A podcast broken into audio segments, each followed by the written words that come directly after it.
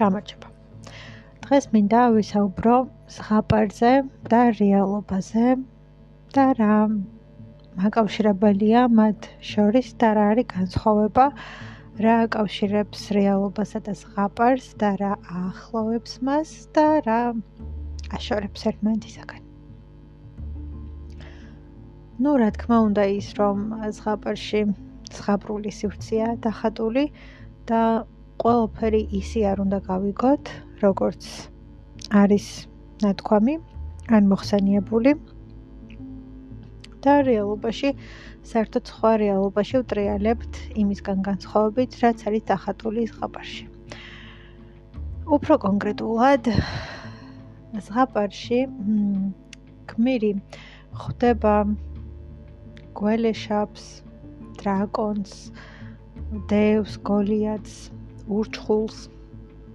არ ვიცი რაღაც ძალას, რომელიც აა ებრძვის, რომელიც მტრობს, რომელიც ცუდ რაღაცებს უკეთებს და რომლის დამარცხებაც უწევს.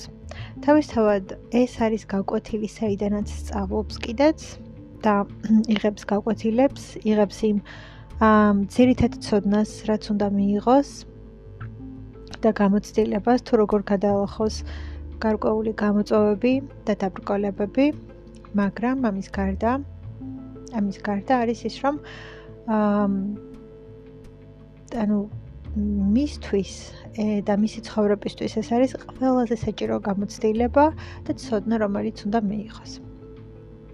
რეალურ ცხოვრებაში არ არიან დრაკონები, გველეშაპები და დევები, მაგრამ ადამიანს ხვდება ძალიან ბევრი გამოწვევა, წინააღმდეგობა, დაბრკოლება. ყოველდღიურად ვეჯახებით ძალიან ბევრ პრობლემას და ამ ყველაფრის გადალახვა, მოგერიება და დამარცხება გვიწევს. და შეიძლება ჩვეულებრივი ადამიანისთვის გოლიათის ან დევის ან გველეშაპის დამარცხებას უდრიდეს ნებისმიერ ძალიან დიდ გამოწვევასთან და პრობლემასთან შეჭიდება, გამკლავება და მისი დაძლევა, მოგვარება და გადალახვა. შესაბამისად, ის რაც არის ღაპრის გმირისთვის გველეშაპთან შებმა, ფაქტობრივად იგივეა ნებისმიერი ადამიანისათვის ნებისმიერ გამოწვევასთან, ნებისმიერ წინააღმდეგობასთან და ნებისმიერ პრობლემასთან დგომა. ამ დაბრკოლებების გადალახვაში რეალურად ვიზრდებით, ვსწავლობთ, ვიღებთ გამოცდილებას და ვხდებით ბევრად განსხვავებულები, სხვანაირები და უფრო უფრო მეტად დაბრძენებულები, გაზრდილები ამ ყოველფრით და ეს არის მნიშვნელოვანი. და ეს არის ის ძირითადი ხაზი, რითიც ალბათ ძალიან გავს. ყველაფერი გადატანითი მნიშვნელობით არის იქს გადატანითი გულისხმობის რომ ის ჯადოსნური სამყარო არის მაგრამ რეალურად სახელები არის შეცვლილი ჩვენ ვეძახით დაბრკოლებას ჩვენ ვეძახით პრობლემას ჩვენ ვეძახით წინააღმდეგობას მაგრამ იქ არის დევი გოლიათი გველეშაპი დრაკონი არ ვიცი. და კიდევ არის ის რომ ეს ძალები, რომლებსაც ხვდებიან და რომ რომლებთანაც უწევთ ასე ვთქვათ შებმა და დაპირისპირება რეალურად რეალურად არის საჭირო, ანუ კი ვითომ ბოროტი არის, ბოროტი ძალა არის, ბოროტი არსება არის და ბოროტებასთან უწევს დაპირისპირება და ბოროტებასთან უწევს შებმა, მაგრამ მეორე მხრივ თუ ავიღებთ ეს არის ის საჭირო გამოცდილება, რომლის გარეშეც გმირი დარჩებოდა ის და იგივე რაც იყო. თუ არ გამოვალთ კომფორტის ზონიდან და თუ არ გავალთ სხვა სივრცეში და გარემოში, მუდამ ვიქნებით კომფორტში და კომფორტის ზონაში. მუდამ ვიტრიალებთ კომფორტის ზონაში და ვერასოდეს ვერ გავიზრდებით. ჩვენ გვზრდის და გვცვლის თითოეული ჩვენი გამოცდილება. აა და ყოველი ნაბიჯი, რომელსაც გადავდგამთ, ყოველი გამოწვევა, რომელსაც დავძლევთ და გადავლახავთ და ეს ცხოვრებისეული გამოცდილებები და გაკვეთილები რეალურად გუსრდის და გცვლის ჩვენ და რომ არა მათი გადალახვა და რომ არა ამ ყოველფრის ყოველფერთან შეჯახება ჩვენ ვერასოდეს ვერ გავიზრდებოდით რეალური განვითარება არის ზუსტად იქ, როდესაც ადამიანი გამოდის და როცა ადამიანი გამოდიხარ კომფორტის ზონიდან და ზუსტად აი ამ სივრცეში ხედავ იმ თავარს და ძირითადს, რაც შენთვის არის ყველაზე საჭირო. და ნიშნავანი არის უბრალოდ ის, რომ კომფორტის ზონიდან უნდა გამოვიდეს ადამიანი და იქ არ უნდა დარჩეს. ასევე არის ხაპარშიც რაღაც მოვლენა ხდება, რაც აიძულებს გმირს, რომ წავიდეს სასახლიდან და ტოვოს აბსოლუტური კომფორტის ზონა და შეხვდეს და შეეჯახოს გარკვეულ პრობლემებს, წინააღმდეგობებს დაბრკოლებებს და გადაალახოს ისინი და თუ გმირი არც არასდროს არ წავა იქ, ვერც არასდროს ვერ გაიზრდება და ვერ მიიღებს გამოცდილებას, ვერ მიიღებს ცოდნას და იმ ყველაზე საჭირო რაღაცას, რაც მას და მის ცხოვრებას სჭირდება, რომ უნდა გაიზარდოს, რომ უნდა შეიცვალოს, რომ უნდა მიიღოს ცხოვრებისეული გაკვეთილი და გამოცდილება. და ეს ყველაზე მეტად სჭირდება მას და სჭირდება მის ცხოვრებას. ეს ის გამოცდილება, რომლის გარეშეც ვერაფერი ვერ იქნება და ვერაფერი ვერ გამოვა. და ცხოვრებაში ცასი არის. თუ ჩვენ ყველაფერი ყოველთვის კარგად გვექნება, ვერასოდეს ვერ გავიგებთ რა არის ის, როდესაც ვიღაცა მოწინააღმდეგე ადამიანი გვხვდება და შენ გიწევს რაღაცის გადალახვა ან რაღაცის დამტკიცება და ცხოვრებისეული გამოცდილებები არ გვექნება და როდესაც შევხვდებით რაღაც უფრო დიდ და სერიოზულს, მივხვდებით, რომ სრულიად მოუმზადებლები ვიყავით ამისათვის და ის პატარ-პატარა წინააღმდეგობები, რომლებიც ჩვენ ყოველდღიურობაში გვხვდება, გუსრდის და გვცვლის.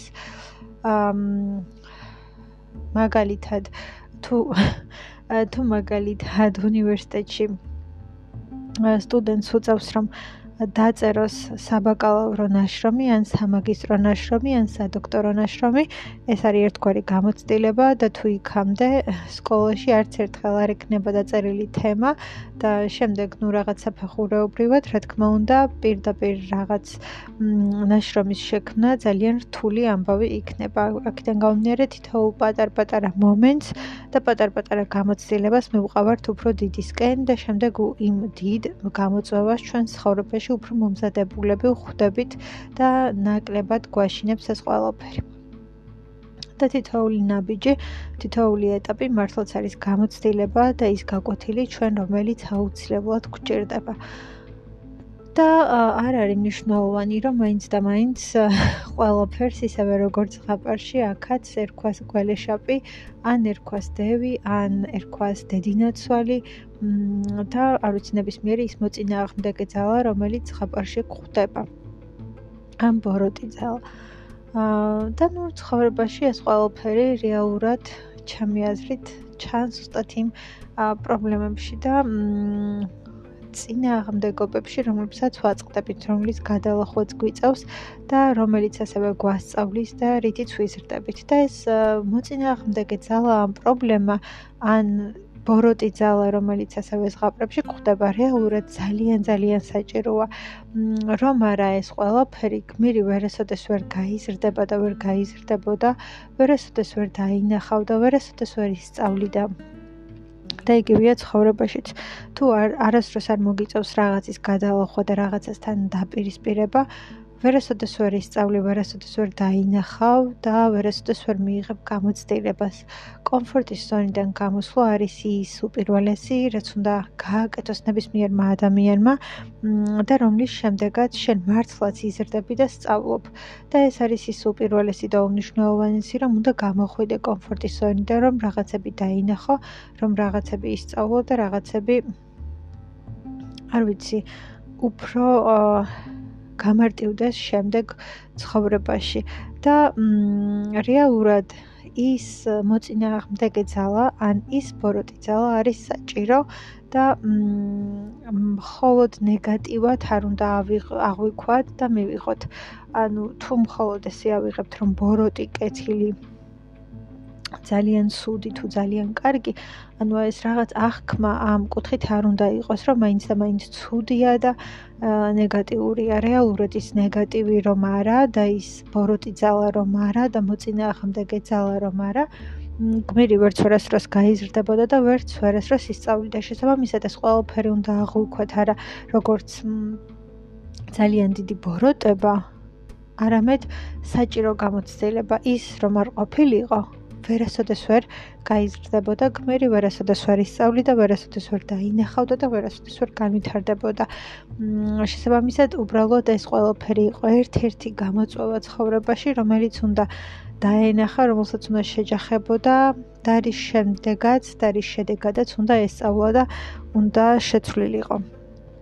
და ჩემი აზრით ეს არის ყველაზე მთავარიც და მნიშვნელოვანიც, რომ გმირი გაიზარდოს, რომ გმირმა ისწავლოს და რაღაცები შეიცვალოს მასში და შეიცვალოს მის ცხოვრებაში. და გახდეს უფრო გონიერიც, განვითარდეს, საერთოდ შეიცვალოს მისი აზროვნება, ცნობიერება და მაღალ საფეხურზე ავიდეს. სხვანაირად ეს არ მოხდება. რეალურ ცხოვრებაშიც და ზღაპარშიც თუ ყოველთვის იჯდები ერთ ოთახში და თუ არასოდეს არ გახვალ ან თუ მხოლოდ იჯდები სასახლეში და არ გასდები სასახლის ზღურბლს ვერასოდეს ისწავლი, ვერასოდეს დაინახავ და ვერასოდეს ვერ გაიგებ და მუდამ შემოსაზღვრული იქნები მხოლოდ იმ ერთი სივრცით. და რეალურად განსაკუთრებით ხაპარში ხომ, ზუსტად იმ სასახლის მიღმა არის ის ვრცელი და დიდი სამყარო, რომელიც უნდა გაიცნოს გმირმა და რომელიც უნდა დაინახოს. და მიღმიერი სამყარო ასე ვთქვათ. აა გარე სივრცე, რომელსაც უნდა გაეცნოს და სავსე მრავალი ფათერაკით თუ თავგადასავლით.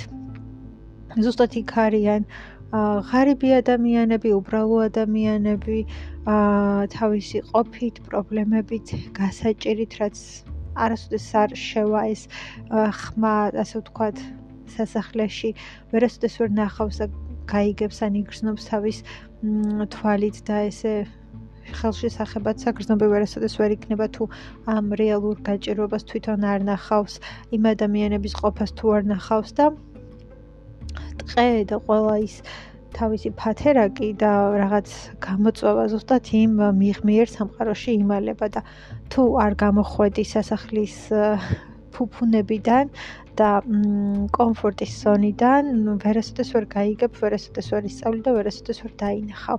და ყოველთვის განსხვავდება მოყოლილი ამბები და რეალურად ნანახი ნაგრძნობი და რეალურად გამოცდილი ამბები. აქედან გამომდინარე, ესეც ძალიან მნიშვნელოვანია. და კიდევ ერთი არის რომ ის რაც ამარჯვებინებს ზღაპრის გმირს მ არის სიკეთე და განსაკუთრებით განსაკუთრებით ზეთუნახავს პრინცესას აი რაც ამარჯვებინებს და რაც არის თავარი და ესე ვთქვათ გასაღები არის მისი სიკეთე. ამ და თავარი გამოწვევაც არის ალბათ ეგ. ну ნებისმიერ შემთხვევაში გოგონას შემთხვევაშიც და ბიჭის შემთხვევაშიც აქ მნიშვნელობა არ აქვს ამას. პრინცზე ვისაუბრებთ თუ პრინცესაზე.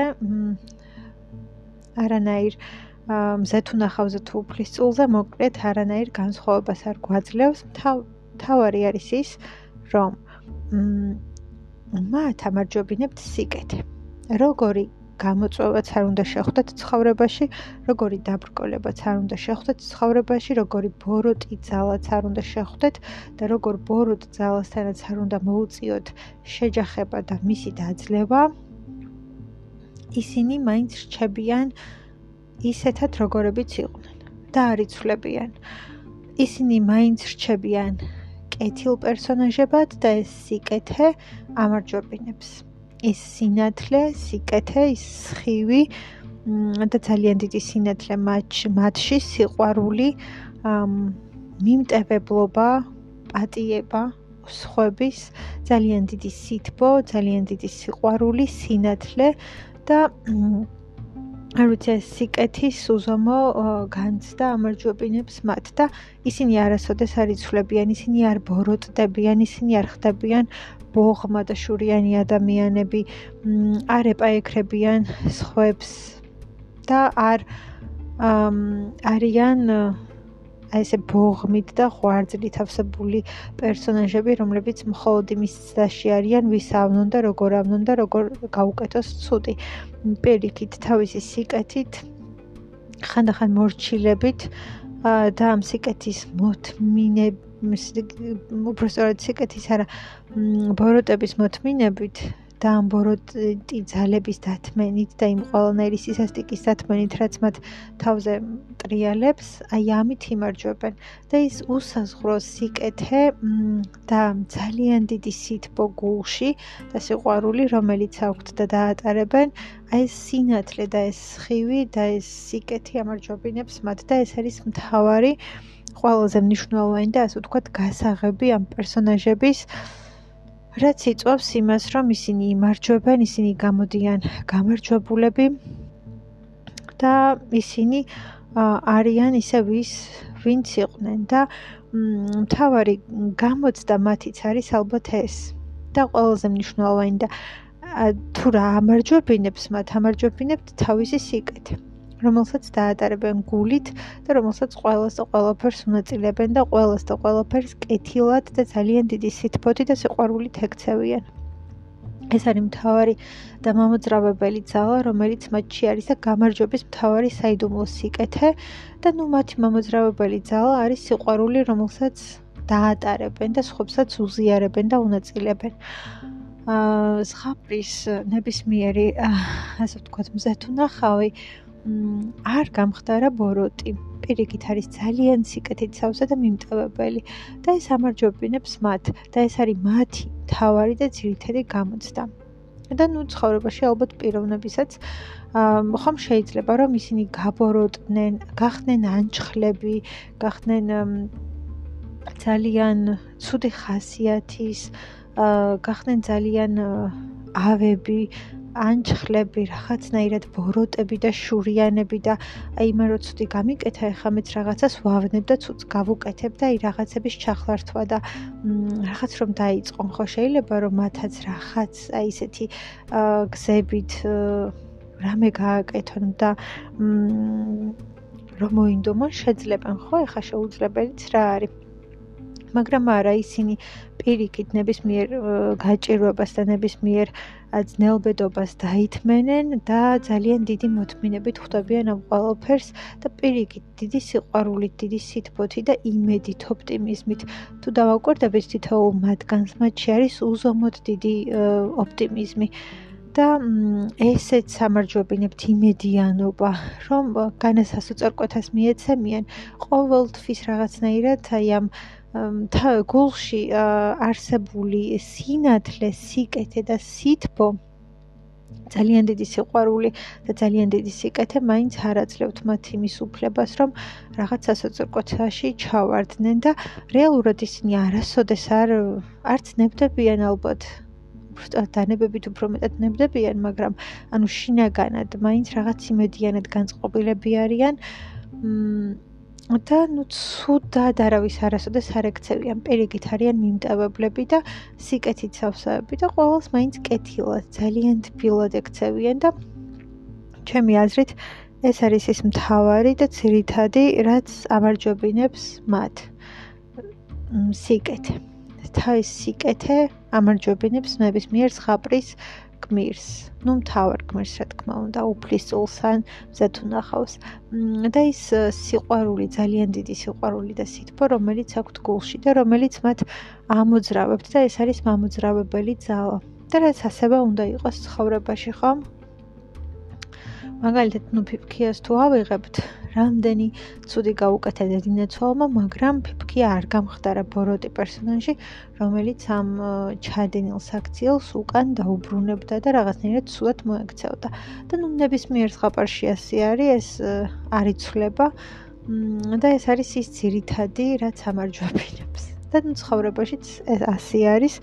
ანუ მთავარი გამოცდა არის ის, რომ შენ რომ ამდენი დაბრკოლება შეგხვდა, შენ რომ ამდენი პრობლემა შეგხვდა, შენ რომ ამდენი გამოწვევა შეგხვდა, ჯერ როგორ გადალახე, როგორ გაუმკლავდი და ამან ამ ნეგატიურმა გამოწვევებმა ან ბოროტმა ძალამ შენ შეგცვალა თუ არა და სხვანაირი გახდი.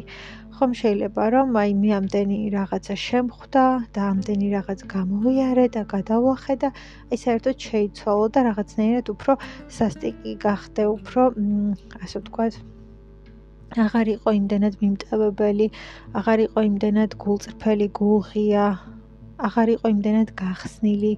ამ აღარ პატიობდი ადამიანებს და აღარ იყო ასეთი მიმტევებელი, აღარ გესმოდეს ადამიანების, ნაკლებად გიჩნდებოდეს მათი დახმარების სურვილი და თანადგომის სურვილი. ანუ ფაქტობრივად ეს არის გამოცდა გმირისაც და თუ ის ღირსეული, ანუ ღირსეული აღმოჩნდება და ღირსეულად გადალახავს, შესაბამისად მისი ჯილდოც სხვა იქნება, განსაკუთრებული იქნება, ხო?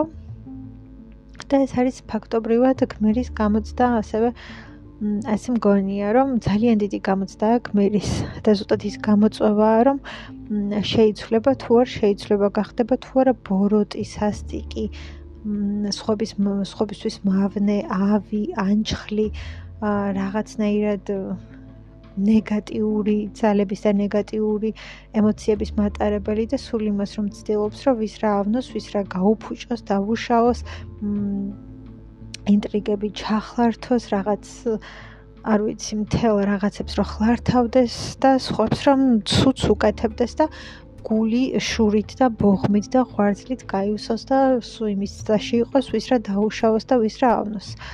აა და ცხოვრებაშიც ეს ეს არის ალბათ ის რომ ადამიანი აა შეიცვლება თუ არა და გახდება თუ არა ამ ყოველფრის მერე უფრო ასე ვთქვათ ცუდი ადამიანი და ცუდი პიროვნება. შეიძლება ბევრი დაბრკოლება და ბევრი პრობლემა გადაიარო და გადალახო და მოგიწიოს ბევრ რაღაცასთან შეჯახება, მაგრამ შენი პიროვნული მეღირსება არ უნდა დაკარგო და ნუ თავისთავად არც იმედი არ უნდა დაკარგო და უფრო ოპტიმისტურად უნდა იყო მაინც განწყობილი შინაგანად მაინც გულის სიღრმეში და ეს არის ალბათ მთავარი ძირითადი გამოცდა, რომელსაც გადის და რომელსაც გადიან გმირები და სადაც მткиცდება მათი სურვილიც, მათი პიროვნებაც და ყველაფერი. და ნუ საბოლოო ჯამში თუ შევაჯამებთ, შეიძლება ვთქვათ, რომ ბოროტი ძალები არის გადამწყვეტად მნიშვნელოვანი და ისინი არ უნდა განვიხილოთ და არ უნდა მივიღოთ.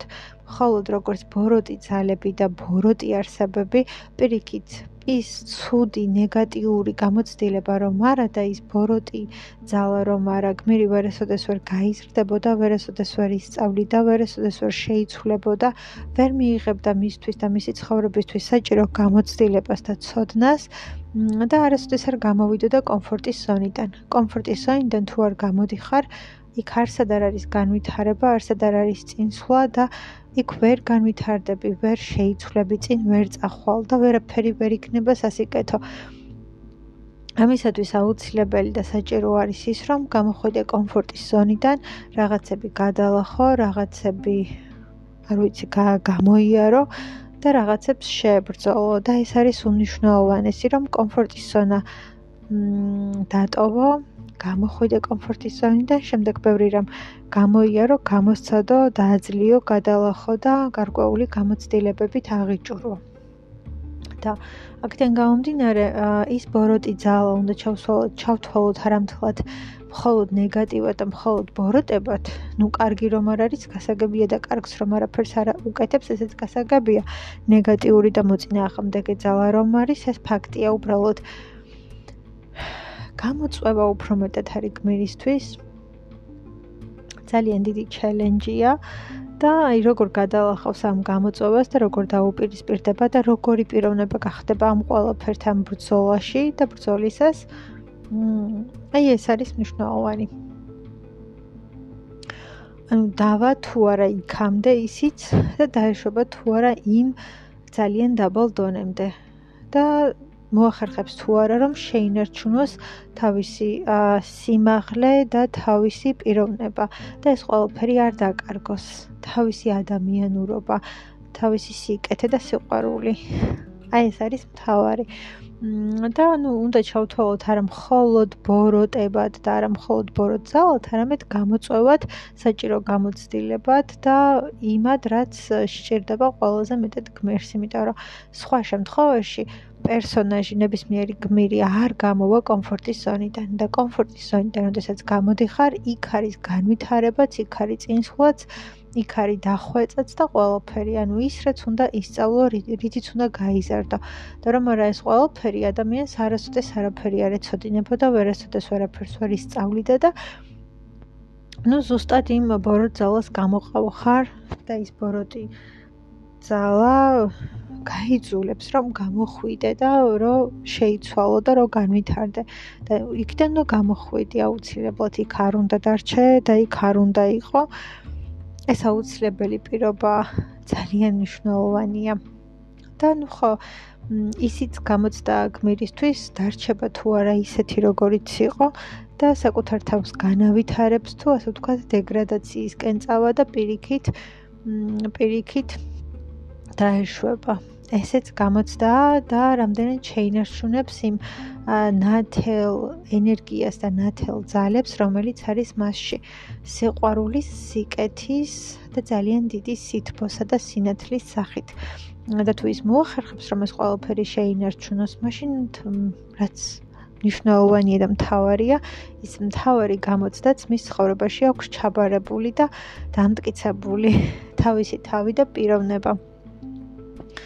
და კიდევ არის ის რომ ხანუ აი ეს ყველაფერი ძალიან ახლოვებს. ანუ რეალურად იქ არის ესეთ სახელებით რომ ის ხვდება ეს ხვდება დევი ხვდება გოლიათი ხვდება დრაკონი ხვდება ურჩხული ხვდება გველეშაპი ხვდება ნუ ცხოვრებაში ეს ყველაფერი წარმოქმნილი არის როგორც პრობლემები წინააღმდეგობები დაბრკოლებები შენს გზაზე რომელიც უნდა გადალახო. იქ არის სასახლე ჩვენ ჩვეულებრივ სახლებში ვცხოვრობთ, მაგრამ აი აქედან რომ და გამოხვიდე და გამოცდილებები მიიღო და გარემოსთან და გარესივრცესთან კონტაქტი გქონდეს, ესეც მნიშვნელოვანი არის, ისევე როგორც ზღაპარში გმირი უნდა გამოვიდეს იმ სასახლიდან და სხვა სამყაროსაც უნდა გაეცნოს და ნახოს და თუ ამას არ გააკეთებს, ვერასოდეს ვერ გაიზრდება და ვერც განვითარდება. მ და ნებისმიერ შემთხვევაში ეს პრობლემები და მათი დაძლევა როგორც ხაპარში, ანუ რეალურ ცხოვრებაშიც არის ადამიანის გამოცდა რამდენად ღირსეულად გაივლის, რამდენად ღირსეული იქნება და დარჩება ამ ბრძოლაში და რამდენად შეიცვლება ცუდისკენ, ნეგატივისკენ და რამდენად ჩაიყოლებს, ასე ვთქვათ, ეს პრობლემები და გამოწვევები და ის რაღაცა ბნელი ძალა და ბნელი მხარე, რომელსაც შეჩეხად არასთანაც მოუწია შეჯახება და დაპირისპირება, რამდენად ასე ვთქვათ, წაართმევს ყველანაირ ძალას და რამდენად ასე ვთქვათ, დავა პიროვნებაც იმ დონემდე.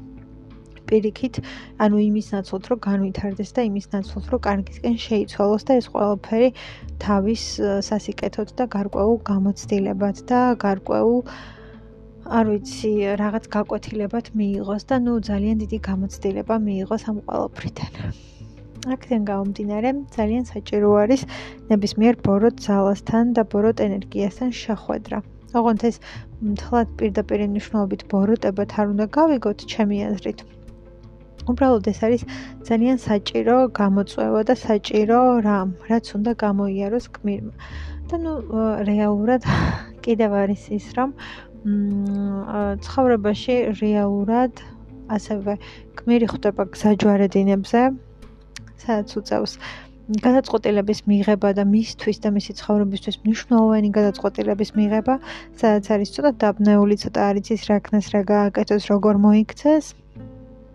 და ნუ ზღაპარში რეალურად ასევე გმირი ხვდება გზაჯვარედინზე, რომელზეც არის წარწერები, რომ თუ აქ ეწახვალ ასე მოხდება, თუ იქ ეწახვალ ისე მოხდება და ნუ თუ ამაზე ეწახვალ დაიხუპები და მოკვდები.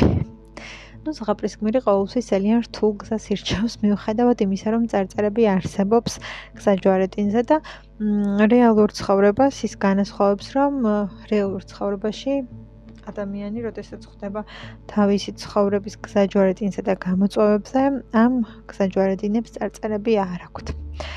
მოკლედ სულ ეს მინდოდა მეთქვა და გამეზიარებინა ზღაპრული სივრცე ჩვენს რეალობაში და რეალურ ცხოვრებაში. მედია მოგეწონათ, დაინტერესდით, ჩაუფიქრდით და უფრო მეტად დააკავშირებთ ამ ორ სამყაროს ერთმანეთთან, რომელიც თითქოს ძალიან განსხვავებულია და საერთოდ სხვა რაღაც ზღაპრულ და ჯადოსნურ სივრცეზე გვყვება, მაგრამ რეალურად ძალიან ახლოს არის ჩვენს რეალობასთან.